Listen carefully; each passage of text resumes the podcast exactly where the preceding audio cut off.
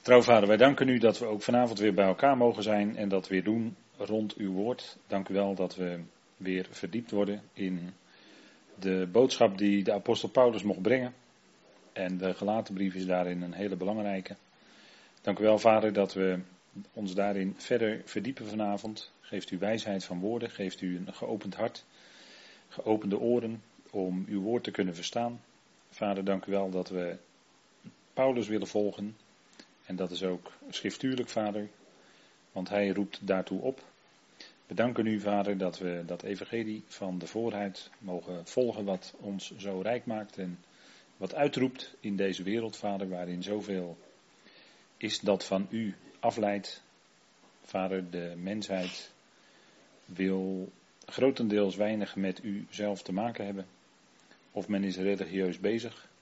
Maar dank u wel, vader, dat wij die grote God mogen kennen. U bent die grote God, die redder door uw geliefde Zoon, onze Heer Jezus Christus. Dank u wel dat we daar steeds weer van horen dat het niet ons eigen werk is, maar dat het steeds uw genade is. Vader, dat is ook de leidraad in deze hele brief aan de gelaten, waarbij het gaat om wet of genade.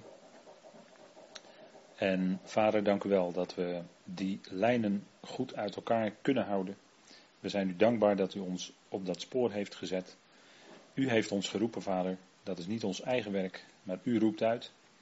Dank u wel dat we ook zo vanavond dat evangelie willen beluisteren. Geef daarin alles wat nodig is en mag het bovenal zijn tot opbouw van het lichaam van Christus en tot eer van u. Dank u wel, Vader, dat u ons dat wil schenken. In de naam van uw geliefde Zoon. Amen. Goed, wij eh, gaan met elkaar lezen Galaten 2 vanaf vers 7 en ik doe dat vanaf, vanuit de concordante vertaling die wij hebben in het Nederlands van de Galatenbrief. En dat is een groot goed dat we dat hebben. En er staat, maar in tegendeel, toen zij, dat zijn de steunpilaren van de besnijdenis, toen zij zagen dat mij, Paulus, het evangelie van de voorhuid toevertrouwd was, zoals aan Petrus dat van de besnijdenis, want hij die in Petrus werkzaam is voor het apostelschap van de besnijdenis, is ook in mij werkzaam voor dat van de natieën. En toen zij de genade erkenden die mij gegeven is, gaven Jacobus en Kefas en Johannes, die geacht werden steunpilaren te zijn, mij en Barnabas de rechterhand van gemeenschap, opdat inderdaad wij voor de natieën, maar zij voor de besnijdenis zouden zijn. Alleen dat wij de armen zouden gedenken, waarvoor ik mij ook inzet dit te doen. En dat is eh, later ook terug te lezen in Handelingen 11 vers 29. Want die heb ik hier als tekstverwijzing erbij staan. Dat hij de armen heeft gedacht in Jeruzalem. Dat heeft Paulus ook gedaan. En uh, dat had hij ook beloofd. Dus hij hield zich aan zijn woord. Hij was uh, wat dat betreft een man van zijn woord. En dat, ja, als je over Paulus denkt, dan kan het eigenlijk niet anders. Hè? Goed, de brief aan de gelaten. De twee evangeliën en de twee apostolschappen. Want dat wordt ook nog wel eens vergeten. Maar het gaat niet alleen om twee verschillende evangeliën, maar het gaat analoog daaraan ook om twee verschillende apostolschappen. En natuurlijk is dat ene van Petrus en het andere is van Paulus. En het vreemde is dan dat je wel eens ziet dat er een Petrus en Paulus kerk ergens is. Ja, dan denk ik van dat is nou een typisch voorbeeld van het samengaan wat men dan poogt in zo'n kerk uh, te laten zien. Maar dat, uh, ja, die twee evangelieën die, die uh, verhouden zich niet tot elkaar. Hè? Die, dat zijn verschillende evangelieën gewoon. Maar het gaat natuurlijk voor ons uiteraard om het evangelie dat Paulus verkondigde. Deze, dit plaatje dit, op deze dia die, heeft u vaker gezien. En dat zet ik er maar weer bij voor de duidelijkheid. We kunnen dat niet genoeg onderstrepen opdat u misschien die wat in verwarring bent, uit die verwarring komt. Er zijn namelijk twee evangeliën, twee apostelschappen, Paulus en Petrus. En laat u niet op verkeerde been zetten door het kopje wat in de NBG-vertaling erboven staat. Daar staat namelijk boven, ten onrechte, er is maar één evangelie. Of één evangelie. Of in de Statenvertaling, dan vergis ik me. Dan staat het in de Statenvertaling erboven. Dat er maar één evangelie is, dat is ten onrechte. Er staan er namelijk in dat stukje gewoon twee. Twee evangeliën. En wij hebben al gezien, en ik heb dat even hier op deze dia, deze volgende dia gezet als een samenvatting. Um, u heeft dat, uh, we hebben dat gezien in de afgelopen studies. En als u zegt, nou, ik kan me daar niet zoveel van herinneren, dan raad ik u dringend aan die studies nog eens na te luisteren. als u uit de verwarring wil komen waar u misschien in bent, dan raad ik u aan om deze reeks van de gelaten brief te gaan luisteren. En dan kunt u stap voor stap uit die verwarring komen. En uh, als er vragen zijn, nou dan zeg ik altijd stel ze, stuur een e-mail of spreek me aan in de dienst of wat dan ook. Of hoe dan ook. Maar er is uh, alles waard om uit de verwarring te komen. En uh, we hebben gezien, en dat heb ik hier dus samengevat even op deze dia gezet. Het evangelie van de besnijdenis reikt tot in de nieuwe aarde als uiterste heerlijkheid. Daarmee bedoel ik de verste blik op heerlijkheid die in, de besnijdenis, die in het besnijdenis-evangelie naar voren komt, is de nieuwe aarde. En we hebben ook gezien, en dat was misschien voor toch een aantal mensen wel verrassend, de besnijdenis, dus Israël, zal pas dan het woord van het kruis gaan leren kennen en de consequenties van het woord van het kruis. En dat is misschien een hele eye-opener. Maar als u alle geschriften van de besnijdenis leest, dan zult u zien dat zij eigenlijk nauwelijks toekomen, eigenlijk niet, aan het woord van het kruis. Natuurlijk, Petrus kende wel de, het kruis en opstanding van de Heer, natuurlijk. Hij kende dat, hij predikte ook de opstanding, dat deed de apostel ook.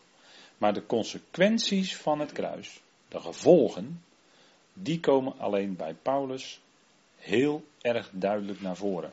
Paulus is eigenlijk de enige die de diepe consequentie, de gevolgen van het kruis laat zien. Dat vind je niet terug in de, in de geschriften van de besnijdenis. En dat zal ik u ook vanavond aantonen. Aan de hand van kernwoorden uit beide evangeliën. Want die verschillen zijn echt wel heel duidelijk kenbaar hoor. En, en misschien zegt u van ja, maar er zijn anderen die, die, uh, die denken anders en die zijn anders gaan denken. En misschien bent u een klein beetje in verwarring geraakt. Ik zou zeggen, luister deze serie dan na en dan komt u uit de verwarring. Als u goed luistert en de gevolgen en de consequenties wilt meegaan, dan, uh, en naslaat of die dingen ook zo zijn in de schrift, dan kunt u stap voor stap weer uit die verwarring komen. Nou, en het tweede punt is, het evangelie van de vooruit, dus van de onbesnedenen, begint bij het woord van het kruis. Daar begint het mee. Met als gevolg de nieuwe schepping en de uiterste heerlijkheid. Met als gevolg de nieuwe schepping.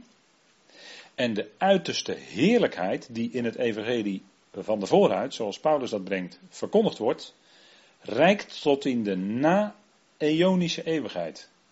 Dan zegt hij, wat zeg je nou? Na eonische eeuwigheid? Wat, wacht even, wacht even, waar heb je het nu over?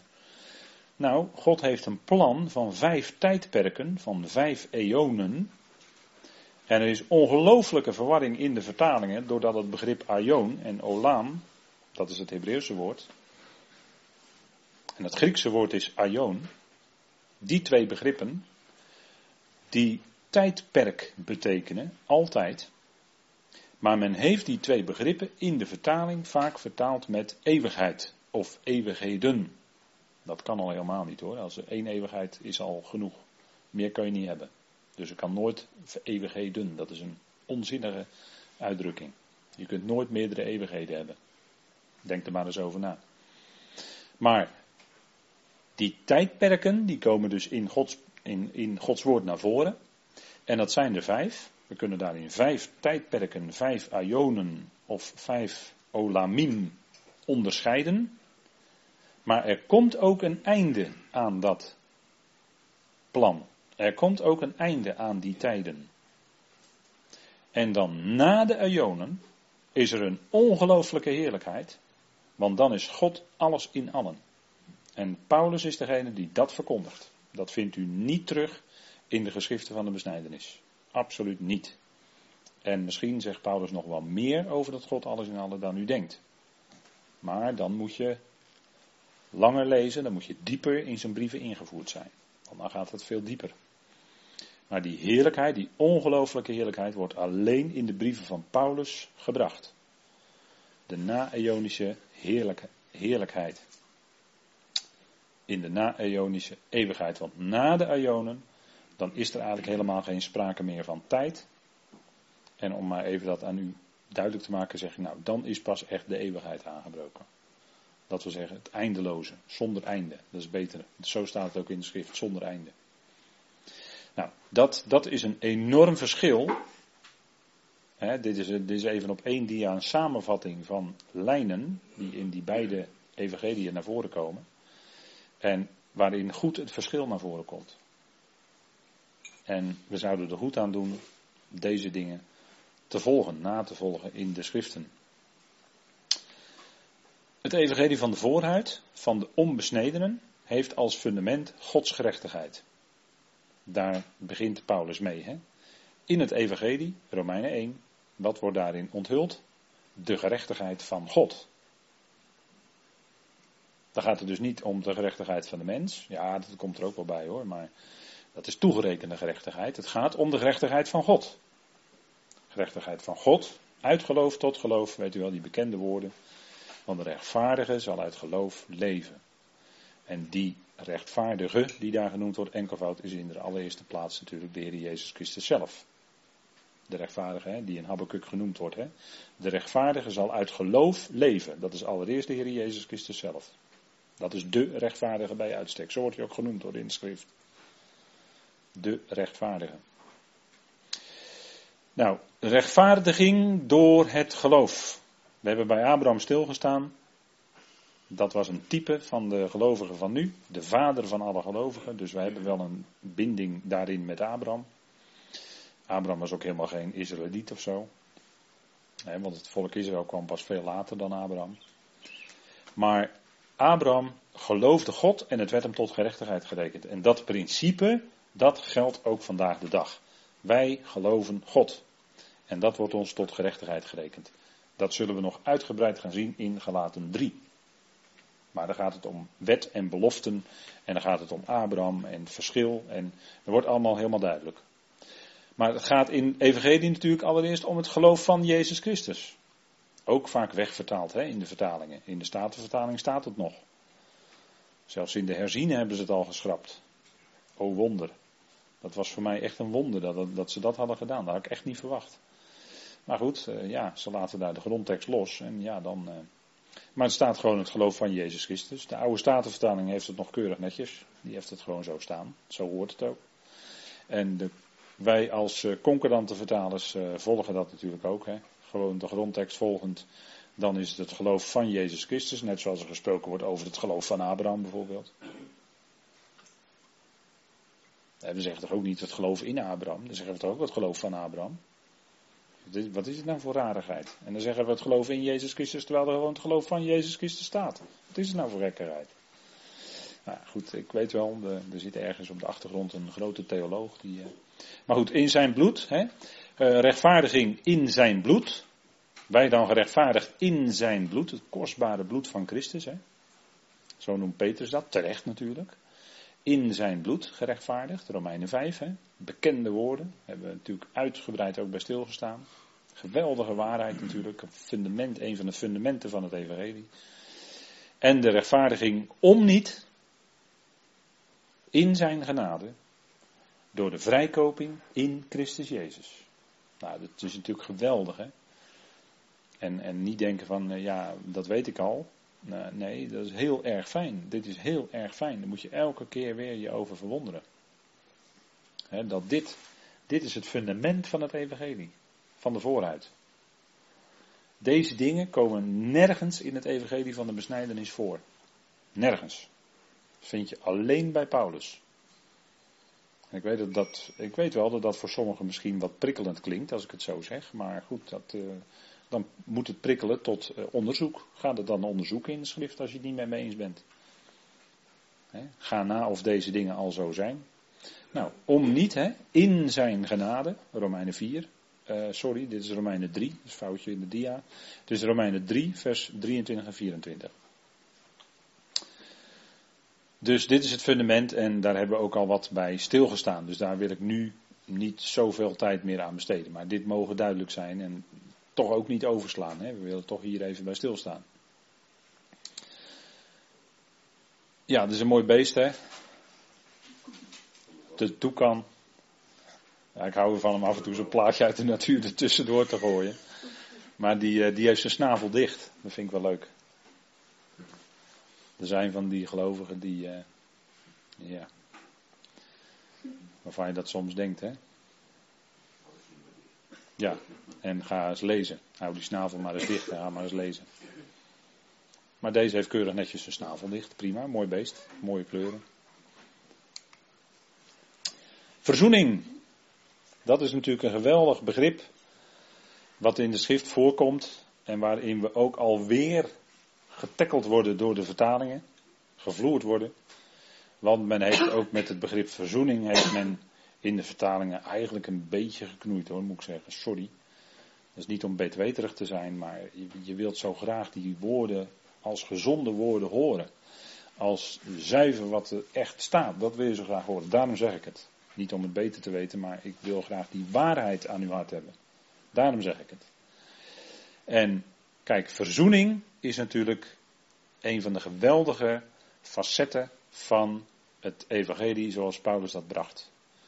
En uh, dit is een uh, prachtig plaatje uit dat boek wat we hebben, hè, dat Godsplan van Eonen.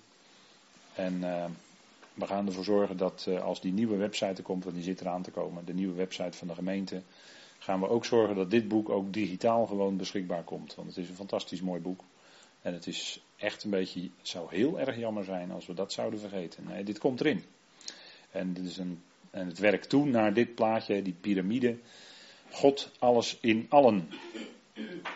En uh, je moet niet schrikken van een piramide, want uh, dat wordt natuurlijk door de andere kant wordt dat ook gebruikt. Hè? Die piramide wordt door de andere kant ook gebruikt. Dan begrijpt u wel wat ik bedoel. Maar een piramide, dat is eigenlijk wel een, een, eh, een concept wat je in Gods woord terug kan vinden. Hè? Eén aan de top Eén aan de top, hè, de topsteen, dat is Christus natuurlijk. En alles onder hem, hè, alles onder zijn voeten, alles komt onder hem. Hij is de topsteen. Dus dan kun je heel makkelijk het beeld van een piramide onderzien.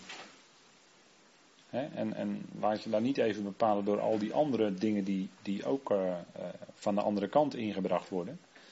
Ja, zo kan alles uh, ten, ten kwade gebruikt worden natuurlijk. Alle gewone dingen kunnen ten kwade gebruikt worden.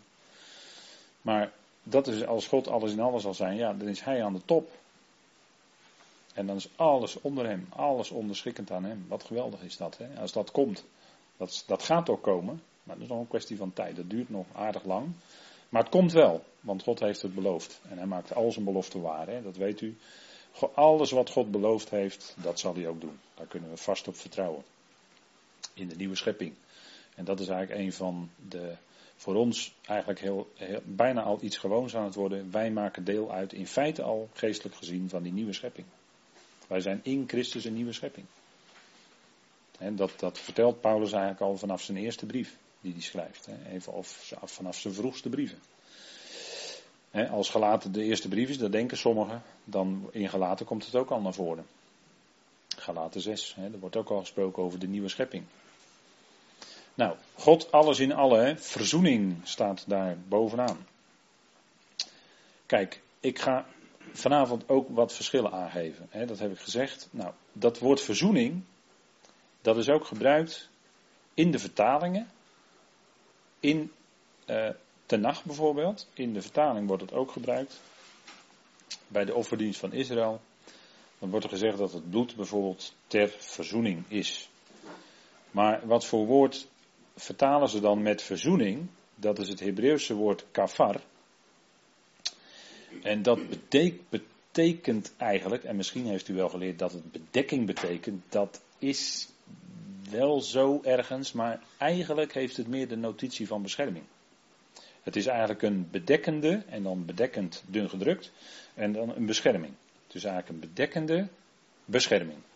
Eigenlijk Dus de, de, de, de kern zit hem bij bescherming.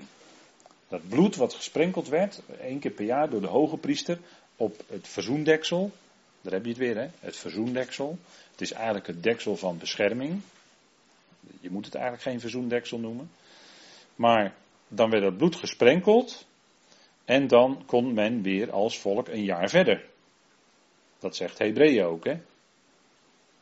Maar dat moest steeds herhaald worden. Er kwam nooit een eind aan. Dus het was een tijdelijke bescherming tegen de consequenties van de Torah. Als het volk de Torah overtrad, ja, dan had dat consequenties, maar daar hadden ze bescherming tegen door bloed. Dat was natuurlijk al een type, zo legt Paulus dat ook uit, dat was een type van het bloed van Christus. Wat eenmaal geplengd zou worden. En waarvan al dat bloed van al die stieren en bokken, die onder andere op grote verzoendag, u weet wel, de bok Azazel enzovoort, hè, die de woestijn ingestuurd werd en al dat soort dingen. Maar van die andere bok die werd dan geslacht en daar het bloed van. Nou, van al die bokken en stieren en al die anderen die in de offerdienst voor zondoffers en schuldoffers en noem maar op allemaal gebracht werden. Al dat bloed was allemaal tot bescherming. Van de zondaar of van het volk. En dat is het woord kafar.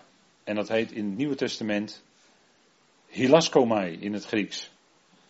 En dat betekent eigenlijk ook gewoon beschermen. Want in de Griekse vertaling van het Oude Testament, de Septuaginta, de Griekse vertaling van het Oude Testament, wordt voor het woord kafar wel het woord hilaskomai en hilas, uh, hilasterion gebruikt.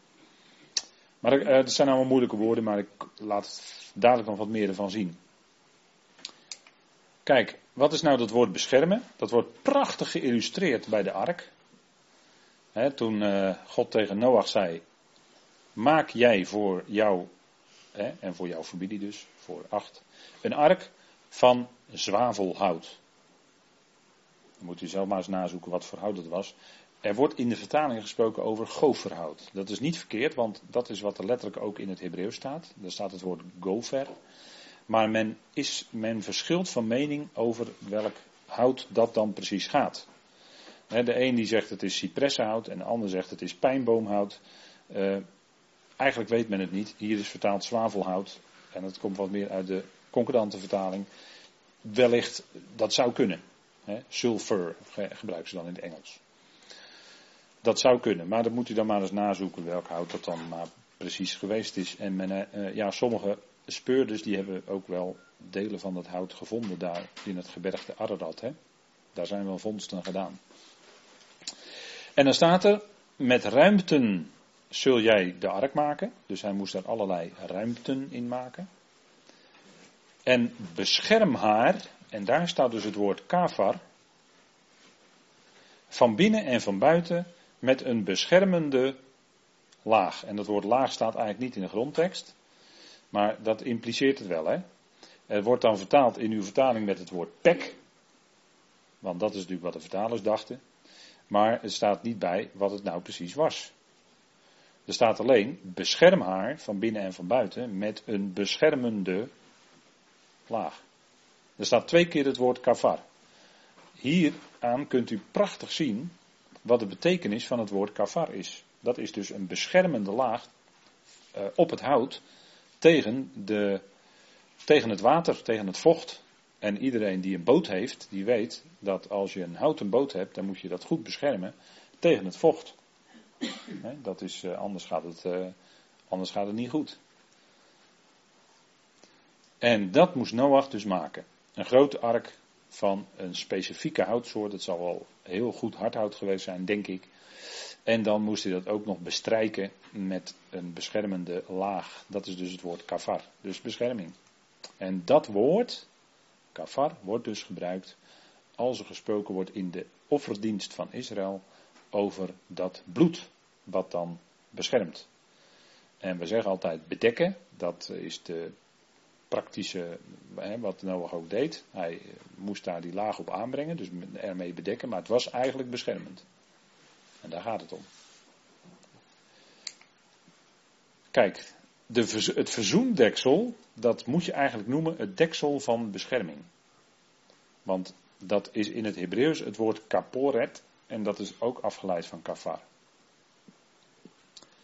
En dat woord voor verzoendeksel wordt door Paulus dus gebruikt in Romeinen 3. Dat Jezus Christus is geworden een verzoendeksel.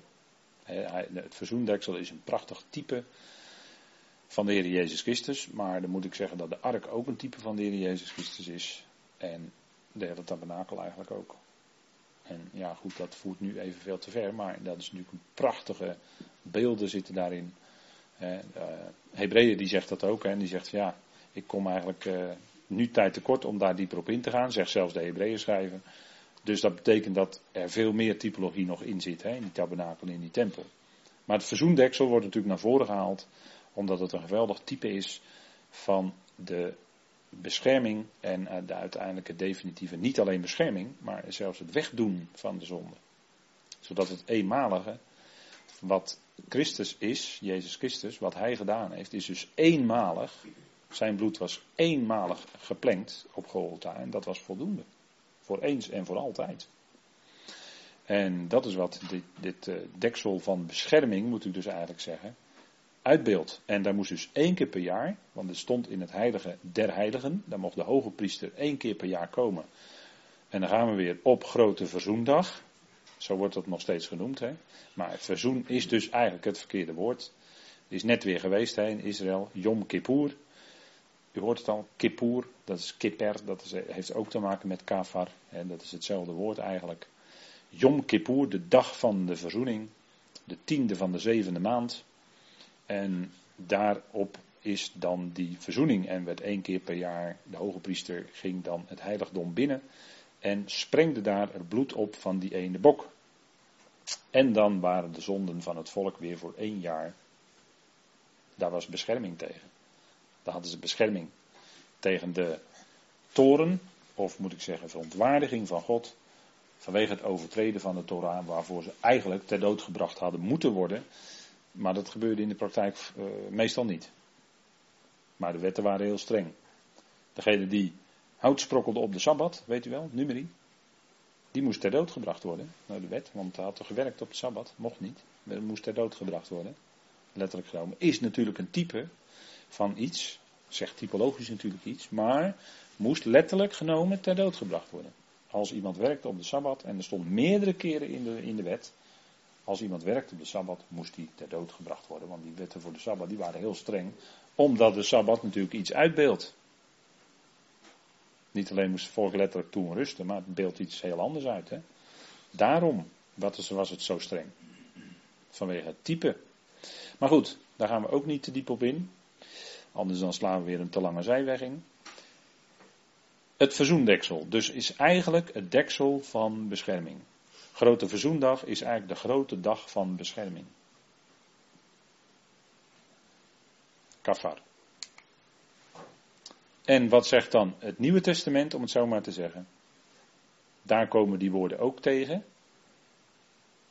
Namelijk, als we kijken bij de besnijdenis, dan vinden we het maar één keer bij Paulus, in Romeinen 3. Maar daar ook, hebben we ook heel uh, uitvoerig al bij stilgestaan. Maar dan zegt dus uh, Johannes, hij is een bescherming voor onze zonden, niet alleen voor die van ons, maar voor die van de hele wereld. Maar dan heeft hij het over hilasmos. En helaas is dit in de vertalingen met het woord verzoening weergegeven, ten onrechte. Omdat het daar niet gaat over verzoening, maar het gaat over bescherming. Want het evangelie van de besnijdenis komt niet aan de verzoening toe. Zoals Paulus die verkondigt. Het is bescherming. En dat is het Griekse woord hilasmos. Wat heel nauw verbonden is met het Hebreeuwse woord kafar. En ik moet echt op die begrippen diep ingaan vanuit de grondtekst om die verschillen aan u duidelijk te maken. Want anders dan zegt u ja, maar in, hè, die uitdrukking kent u vast wel. Hè? Dat is dan de, de, degene die zich eenvoudig als eenvoudige wil opwerpen. Ja, maar ik ben een eenvoudige gelovige en als ik mijn Bijbel lees, let op hè, die uitdrukking, als ik mijn Bijbel lees, dan lees ik dit of dat. Ja, maar je kunt wel je Bijbeltje lezen, maar dan heb je een vertaling in je handen. Dan heb je niet Gods woord. Een vertaling van Gods woord. Daar zijn we natuurlijk al ruim 30 jaar mee bezig om, om dat te laten zien, dat het anders is. En dan doet het je wel eens verdriet dat je dat mensen wel eens hoort zeggen. Van waarom moet het nou altijd zo moeilijk? Want dat zit er eigenlijk achter, hè, uit die uitdrukking. Als ik mijn Bijbel lees, dan is het. Hè, en die wil het dan heel eenvoudig maken. Ja, en door dat eenvoudiger maken zit je er wel naast. Want dat gebeurt dan gelijk. Ja, en daarom zijn we misschien soms hè, in de ogen van sommige letterzifters. Nou, dat zal dan misschien wel, maar we willen wel die waarheid van Gods woord boven tafel hebben. En wat we vanavond ook doen, is dan die begrippen laten zien vanuit de grondtekst om die waarheid te laten zien. En om u niet te laten meeslepen door het bedrog van de vertalingen. Want dan wordt u beetgenomen. het is aantoonbaar dat vertalingen zich moesten conformeren aan de kerkleer. Of aan de leer van het betreffende genootschap. Dat is aantoonbaar. En, en, en dat, uh, hè, dat is natuurlijk een meesterzet van de tegenstander die de dwaling systematisch heeft gemaakt. Hè, de systematisering van de dwaling, daar spreekt Efeze 4 over. Paulus wist precies waar hij het over had hoor. Want die kennen het Jodendom van binnenuit. De orthodoxie van toen. En de orthodoxie van vandaag, of het nou Jodendom is of christendom, is nog precies eender. Ik weet wel dat dat misschien scherpe woorden zijn, maar zo is het wel. En het gaat niet om de mensen, maar het gaat om de orthodoxie als systeem, als leer. En hij is een bescherming, niet alleen voor onze zonden, zegt Johannes hè, in zijn eerste Johannesbrief, hoofdstuk 2, vers 2, maar ook voor die van de hele wereld. En dan zeggen ze, ja kijk eens, Johannes spreekt ook over de verzoening van de wereld. Nee, Johannes spreekt over die bescherming. Die, is, die brengt de boodschap vanuit het Joodse geloof, vanuit het Jodendom, vanuit de evangelie van de besnijdenis, naar de volkeren toe. Maar dan, is het nog, dan ben je nog aan de bescherming toe. En dan ben je nog lang niet aan de verzoening zoals Paulus die verkondigde toe.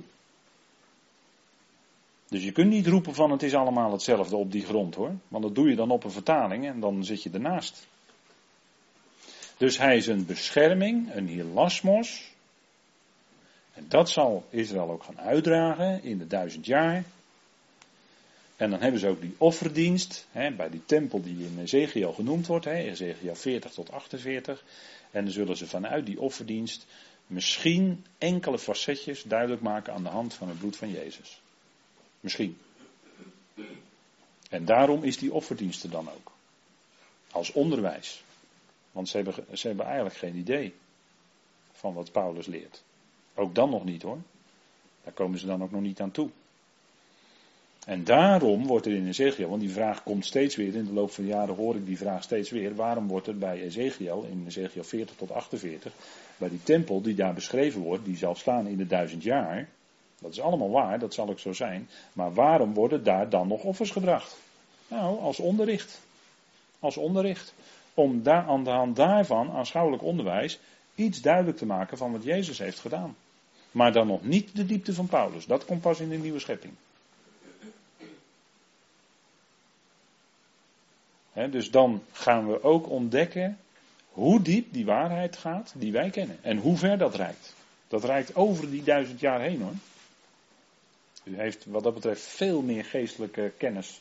Waar, geweldige kennis. En dat bedoel ik dus hartekennis. Van die, van die geweldige waarheden van Paulus. En dat, is, dat zijn dus waarheden die veel verder reiken dan de komende duizend jaar. En dat, dat mensen denken dat dat. Uh, dat, dat in de duizend jaar alles geweldig is en alles een soort volmaakte toestand. Nou, ver van dat, ver van dat.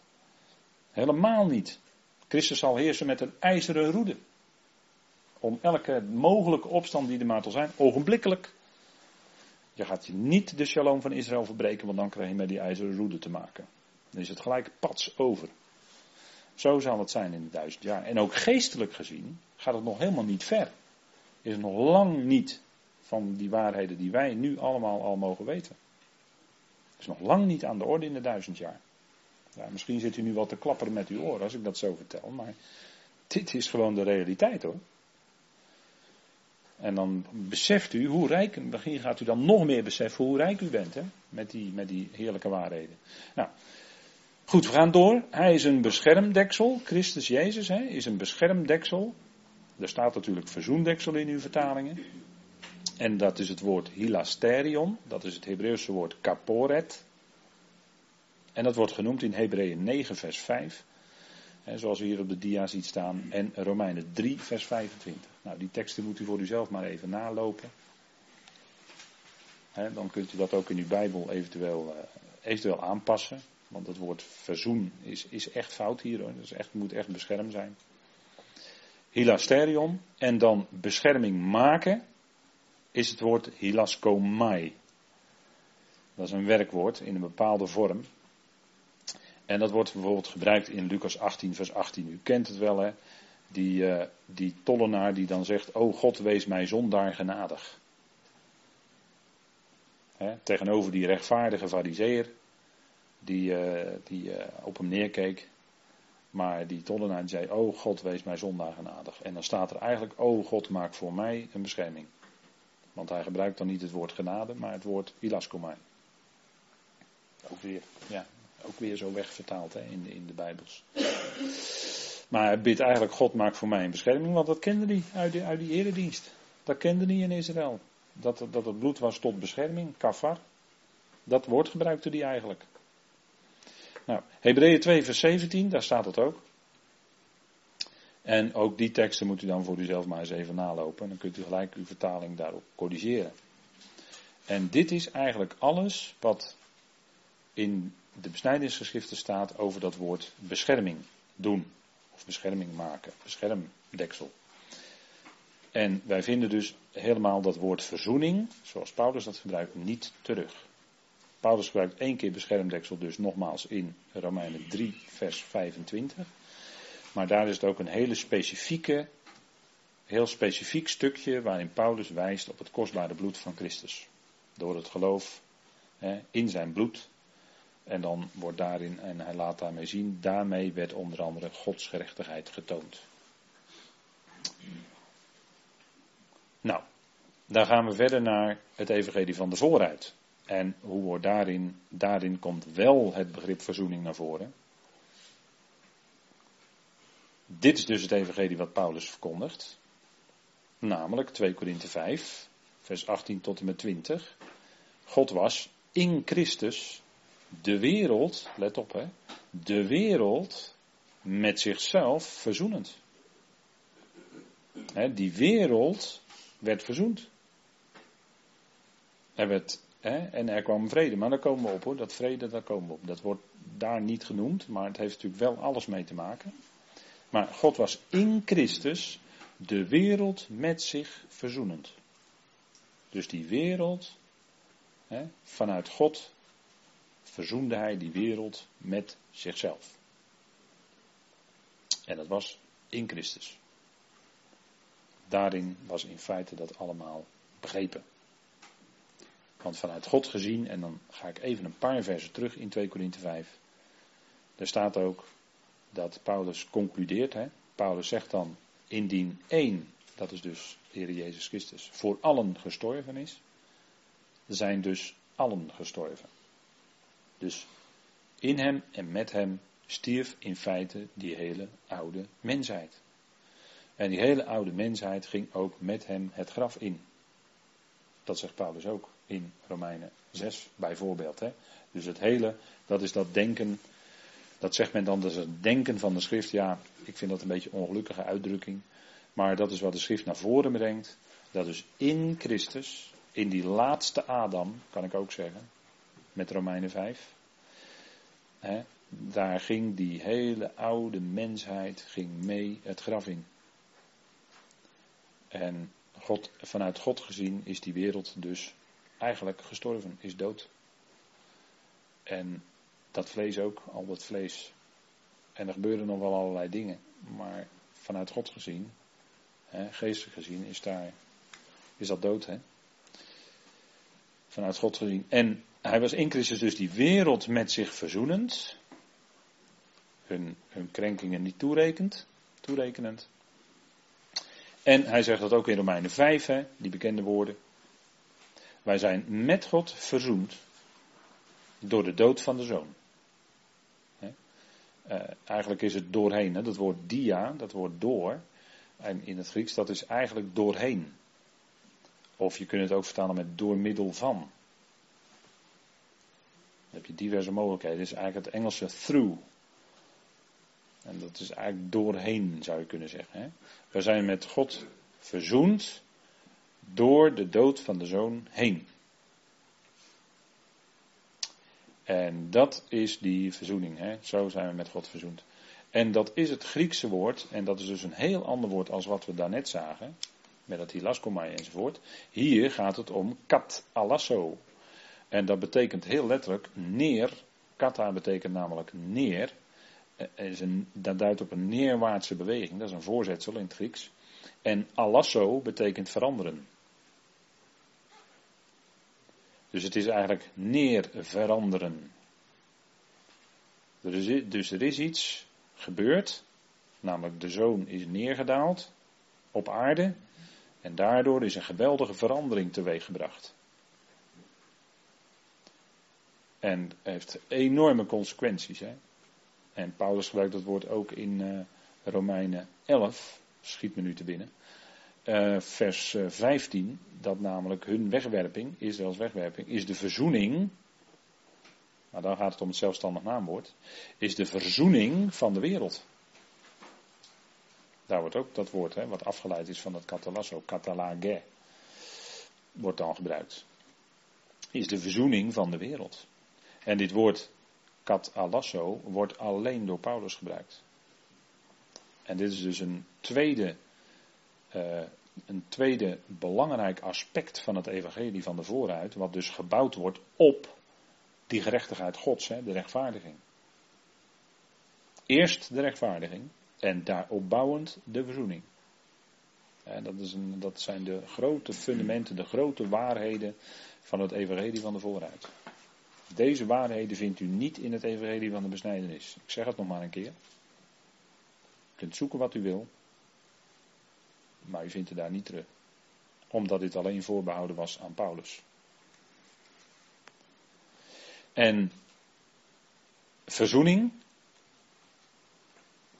dat is, hè, dat is uh, een geweldige zaak. En dat is die vrede. Een duif, een witte duif is vaak het symbool van de vrede. En hier uh, ja, in de wereld wordt het op een bepaalde manier gebruikt, dat weet ik wel. En wordt het woord verzoening natuurlijk ook op een hele andere manier gebruikt. Hè. Kijk, als die, die, kijk, de tegenstander gebruikt natuurlijk ook die woorden. Hè. Die pakt die woorden en die gebruikt dat dan, die vult het dan op een hele andere manier in. Hè. Dat gebeurt in de wereld bijvoorbeeld. Hè. Dan is er bijvoorbeeld een uh, zekere Nelson Mandela, die kent u waarschijnlijk wel in Zuid-Afrika. En die heeft daar een heel verzoening teweeg gebracht. Verzoening. Maar dat is totaal niet de verzoening waar Paulus het over heeft. Totaal niet. En, en kijk, bijvoorbeeld iemand, uh, iemand als, een bis, als een bisschop, hè, een zekere bisschop, Desmond Tutu, die kent u waarschijnlijk ook wel. Hele bekende bisschop van de media. Die heeft ook zo'n verzoeningsproces daar meegeholpen of begeleid of wat dan ook. Maar die stond in totaal andere richting hoor. Die had het niet over de verzoening van, van, vanuit de evangelie van Paulus hoor. Uh -uh, absoluut niet. Desmond Tutu is wat dat betreft helemaal niet koosje.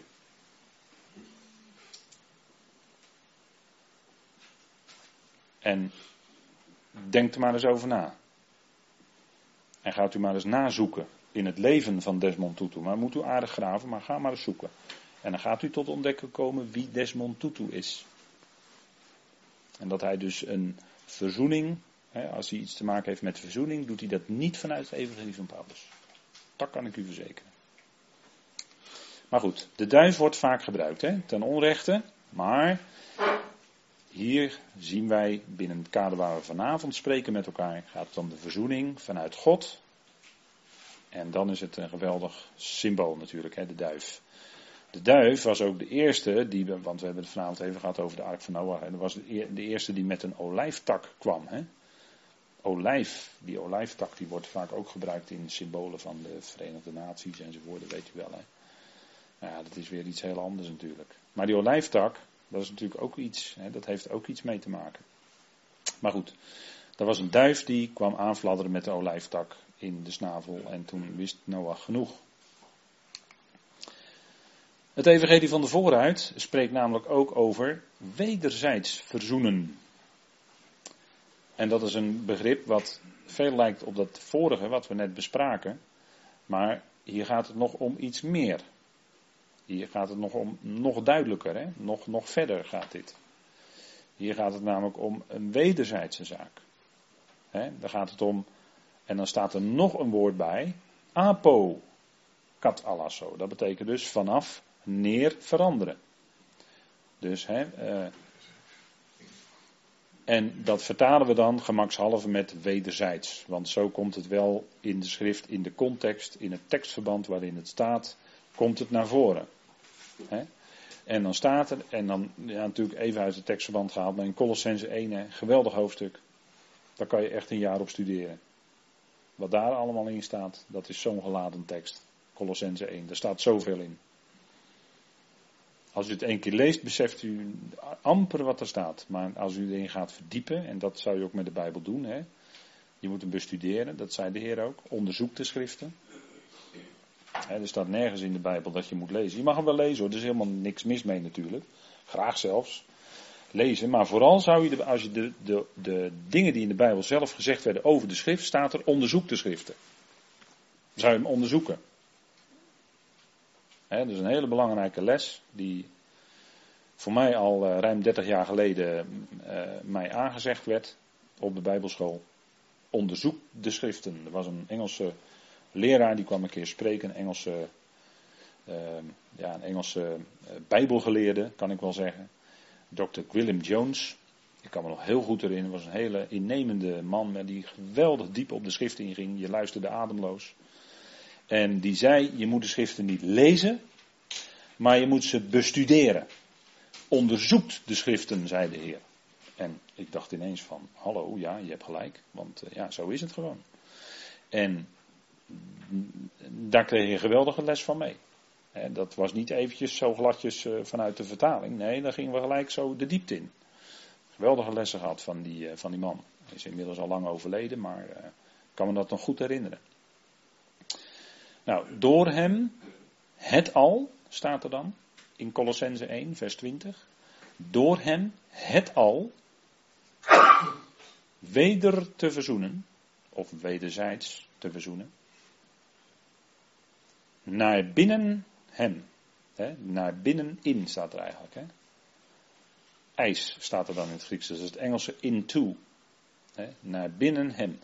Vredemakend, staat er dan tussen haakjes, maar dat staat wel echt in de grondtekst hoor. Maar dat komt omdat het hier als een klein tussenzinnetje staat. Maar het maakt echt wel deel uit van de grondtekst. Vredemakend door het bloed van zijn kruis. Door hem. Het zij die op de aarde. Het zij die in de hemelen zijn. Dus zowel de mensen, want die zijn op aarde. Als de hemelingen, want die zijn in de hemelen. Die zullen wederzijds verzoend worden met God. En dat is omdat er vrede is gemaakt door God. Want het gaat van God uit, uiteraard. Vrede maken door het bloed van zijn kruis. En op grond daarvan, van die gemaakte vrede, zal het al, en dat is echt alomvattend hoor. Dus die hele schepping, al die schepselen weder verzoend naar binnen hem, door hem, het zij die op de aarde, het zij die in de hemelen zijn. Dus dat is echt totaal de alomvattende verzoening. En hier staat in feite wat men altijd zegt, alverzoening. Dat staat hier. Want het al wordt weder verzoend met God. Wij zijn dus geen alverzoeners, maar wij spreken na wat Paulus hier schrijft. En dat is door God geïnspireerd. dat wordt ons altijd in de schoenen geschoven. Ja, jullie zijn alverzoeners. Wordt als een soort geuzennaam wordt op, op ons gestempeld.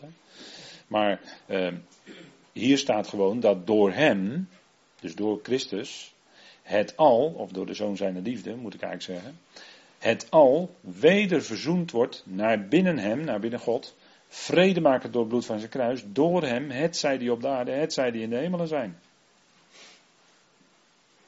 Er staat niet bij dat het gaat om alle die nu geloven. Dat staat er niet bij hoor, hier. Helemaal niet. Hier is gewoon de Totale verzoening van het al staat hier gewoon. Nou, dat is niet gewoon, dat is heel ongewoon. Maar dit staat er. En dit is een geweldige boodschap natuurlijk. Dit is de hoop, niet alleen de hoop, maar de vaste verwachting die wij hebben op grond van wat hier geschreven staat. En dat is niet zomaar even eh, omdat wij eh, sentimenteel zijn. Dat wordt dus ook allemaal aangevreven. Ja, jullie zijn sentimenteel, jullie kunnen er niet tegen, kennelijk dat.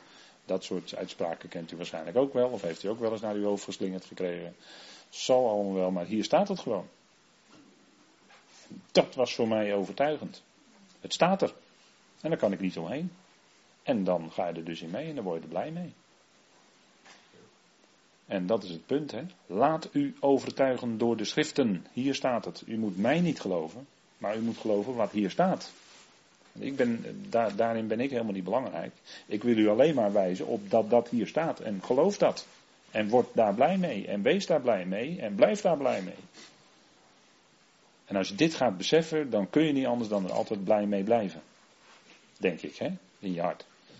Want dit is altijd weer wat je nieuwe moed geeft. Dit is altijd weer wat je boven de dagelijkse omstandigheden uittilt. Dit is altijd weer wat je vreugde geeft en je over de dingen heen doet zien. En je leert om te relativeren op de goede manier. Geen probleem is te groot voor hem. Hij zal zijn doel bereiken. Hij zal alles in alles zijn. Absoluut zeker. Het staat geschreven. We hebben de bewijzen. En uh, dat is voor een gelovige voldoende, dacht ik. Hè? Wederzijds verzoenen.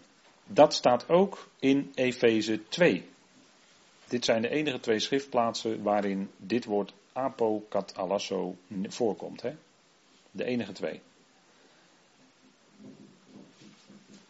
En daar zegt Paulus, opnieuw, hè, opnieuw Paulus uiteraard hier aan het woord. En Efeze 2, vers 11 tot en met 22, dat is een van de meest onbegrepen schriftgedeelten uit de hele Efezebrief. Maar daarin zit juist de sleutel van de Efezebrief. En als je dit niet verstaat, Efeze 2, vers 11 tot en met 22, dan kom je er never, nooit uit. Nooit. Dan blijf je altijd in de verwarring zitten. Maar als je dit wel gaat verstaan, Efeze 2, vers 11 tot en met 22, dan kom je er wel uit en dan heb je helderheid een beetje hoe het zit. En als je het echt hebt gezien, dan zul je het ook nooit meer loslaten, denk ik. Nou, dat zeg ik met een heel klein beetje slag om de arm. Maar in ieder geval, hier staat iets geweldigs, want daar staat ook weer dat vredemakend, hè, wat we ook net al tegenkwamen in Colossense 1. Hier worden dezelfde woorden gebruikt, vredemakend. En beiden, wie zijn die beiden? Dat zijn twee groepen gelovigen, namelijk gelovigen uit de besnijdenis en gelovigen uit de, uit de andere natieën, die het evangelie van Paulus gevolgd zijn. Die twee groepen, die worden hier, daarvan wordt hier gezegd dat die beiden in één lichaam met God door het kruis wederzijds zal verzoenen. De vijandschap erin dodend. Dus is in één lichaam. Hè? Dus dat wil zeggen, door de werking van het kruis hè, is die vijandschap ook tussen die twee groepen gedood. En dat gebeurde toen de Heer Jezus Christus stierf. Want toen werd hij gedood. En daarmee werd in feite ook die vijandschap gedood. Zo werd de vrede gemaakt. En zo werden die beiden in één lichaam dus, met God, door het kruis, wederzijds verzoend. En daarom is er in het lichaam van Christus een geweldige eenheid. Ze zijn wederzijds verzoend met elkaar, die twee groepen, waarin in het vlees altijd vijandschap was, maar in de geest, in het lichaam van Christus, dat is een geestelijke zaak, is er geen vijandschap meer. Zijn ze geen vijanden van elkaar meer, maar er is er helemaal geen onderscheid meer. Het onderscheid valt helemaal weg. Zowel Griek als Jood maakt deel uit daarin, als het gelovigen zijn, van die nieuwe mensheid. En in de nieuwe mensheid is er geen vijandschap. Daar is alle vijandschap verdwenen. Daar staan de mensen niet meer als vijanden tegenover elkaar. Maar de vijandschap als er sprake is van vijandigheid, dan komt dat voort uit het vlees. Of uit de vleeselijke gezindheid. Of uit vleeselijk denken. Maar ik gebruik steeds dat adjectief vleeselijk. Hè? Dat, daar heeft het dus allemaal mee te maken. Dus die twee groepen, die zijn dus één in Christus Jezus, in het lichaam van Christus. En dat is dat gezamenlijk lichaam waar Paulus over spreekt in Efeze 3, vers 6. Een gezamenlijk lichaam. Gezamenlijk duidt op die twee groepen, gelovigen uit de Joden, en gelovigen uit Israël en gelovigen uit de heidenen, die het evangelie van Paulus dus gevolgd zijn. En die zijn één in dat gezamenlijk lichaam. En daarom zegt Paulus ook in Efeze 4 dat er die eenheid van de geest is. Die zouden wij bewaren. Bewaren staat er. Die moeten wij niet maken. Nee, die eenheid van de geest die is er in het lichaam van Christus. Die geldt voor elk lid van het lichaam van Christus. En die moeten wij bewaren. Die zouden wij bewaren. Dat zegt Paulus. Hij zegt niet maken, hij zegt bewaren in Efeze 4. Wij zouden die eenheid van de geest bewaren de band van de vrede. De band van de vrede. Dus de vrede die voortkomt en alles te maken heeft met die verzoening, die wederzijdse verzoening. Dus zo ziet u dat die Efeze 4 bouwt op Efeze 2. Want die vijandschap is gedood. Die vijandschap is weg. Is vrede. En dus, met die band van de vrede, bewaren wij die eenheid van de geest. En, en dat, is het, eh, dat zijn de, de, de geestelijke principes die gelden voor de leden van het lichaam van Christus. Nou, Paulus gebruikt als enige dit woord apokat alasso. Vanaf, neer, veranderen betekent dat heel letterlijk. En dat is ook gebeurd. Hè? Het is van bovenaf gekomen. En het is het geldt voor twee groepen hier. Het geldt altijd voor twee kanten, als er staat vanaf twee kanten. En daar is een geweldige verandering gekomen. De vijandschap is namelijk weg. En er is vrede. Nou, dat is uh, het begrip wederzijds verzoenen. Dat is een heel belangrijk begrip. Ook naast het verzoenen, wederzijds verzoenen, zijn hele belangrijke fundamentele begrippen in het evangelie van de vooruit. En u hoort het, dat is natuurlijk echt een goed nieuws. Hè? Evangelie is goed nieuws. Nou, dit is allemaal echt goed nieuws wat we horen. dat is denk ik geweldig. Goed, nou, u kunt er even over gaan nadenken bij een kop koffie. We gaan even pauzeren.